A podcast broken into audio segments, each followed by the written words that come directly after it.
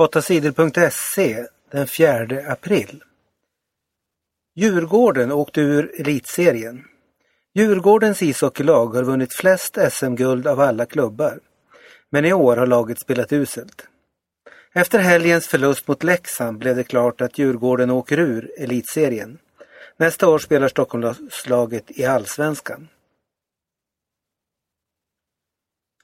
Brynäs är nära SM-final. Det är nära nu för Brynäs. I helgen vann Brynäs sin tredje seger mot Färjestad i semifinalen i SM socken. Brynäs leder nu med 3-1 i matcher. Om Brynäs vinner nästa match på tisdag är laget klart för SM-final. AIK vann helgens semifinalmatch mot Skellefteå. AIK vann med 5-3. Det står 2-2 i matcher mellan lagen. Sverige vann mot Kanada i fotboll.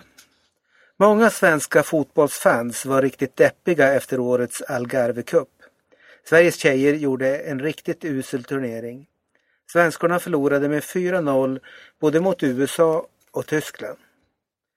Efter den smällen vågade ingen längre hoppas på att Sverige skulle kunna slåss om medaljer i sommarens OS i London. Men i helgens landskamp mot Kanada tändes ett nytt hopp. Sverige vann med 3-1.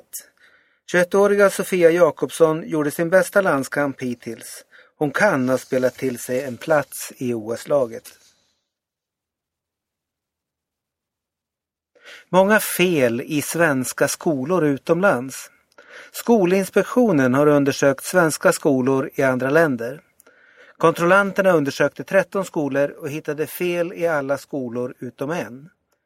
Skolverket betalar 50 miljoner kronor om året till privata svenska skolor utomlands. Få farliga hundar tas om hand. Varje år skadas flera hundra människor av ilskna hundar. 300 blir så svårt bitna att de måste få vård på sjukhus. Problemet med hundar som bits blir bara värre. De senaste tio åren har antalet hundbitna ökat med 50 procent. Ändå händer det väldigt sällan att poliserna tar hand om de farliga hundarna. Det är bara i Skåne som poliserna tar hand om fler farliga hundar. Både i Stockholm och Göteborg tar poliserna färre farliga hundar än tidigare.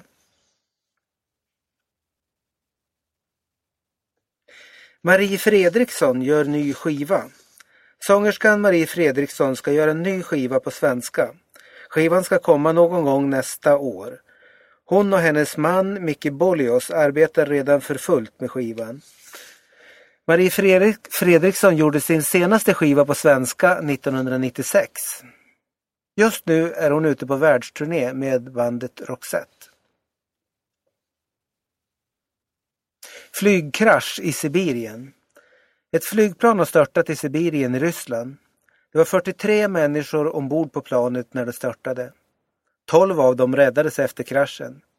Vi fann 12 människor som levde. Vi har kört dem till sjukhus, sa en räddningsarbetare efter olyckan. Planet var på väg till Surgut i Sibirien. Striderna i Syrien fortsätter.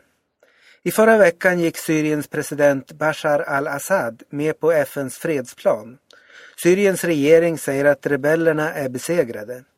Men striderna i Syrien har fortsatt och rebellerna i Fria Syriska armén säger att de aldrig kommer att ge upp. De säger att de ska kämpa tills Assad och hans regering är borta. Rebellerna ber andra länder att hjälpa dem med pengar och vapen. Rebellernas ledare lovar att ge lön till regeringssoldater som går över till rebellerna.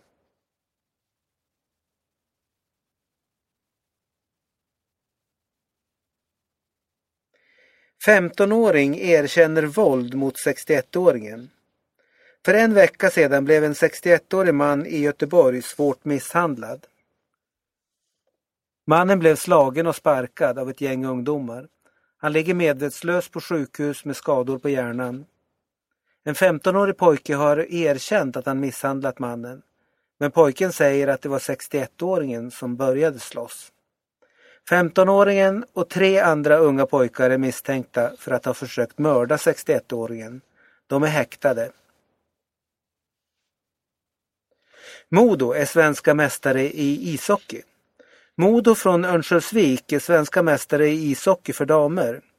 Vilket jubel det blev bland de unga Modotjejerna när klubben i helgen vann sitt första SM-guld. Modo vann SM-finalen mot Brynäs med 1-0. Segern var en rejäl skräll. Brynäs vann grundserien överlägset och var stora favoriter till guldet. Maria Lind var Modos stora guldhjälte. Hon sköt målet som gjorde Modotjejerna till mästarinnor. Men Modos målvakt Valentina Lisana spelade också som en hjälte. Hon räddade massor av farliga skott. Det här var första gången på 24 år som ett lag utanför Stockholm vann SM-guld i ishockey för damer. Suu Kyi tar plats i Burmas riksdag. Söndagen var en stor dag för fredspristagaren Aung San Suu Kyi i landet Burma. Hennes parti NLD säger att hon fått omkring 82 procent av rösterna i ett område nära huvudstaden. De är säkra på att Suu Kyi nu får en plats i landets riksdag.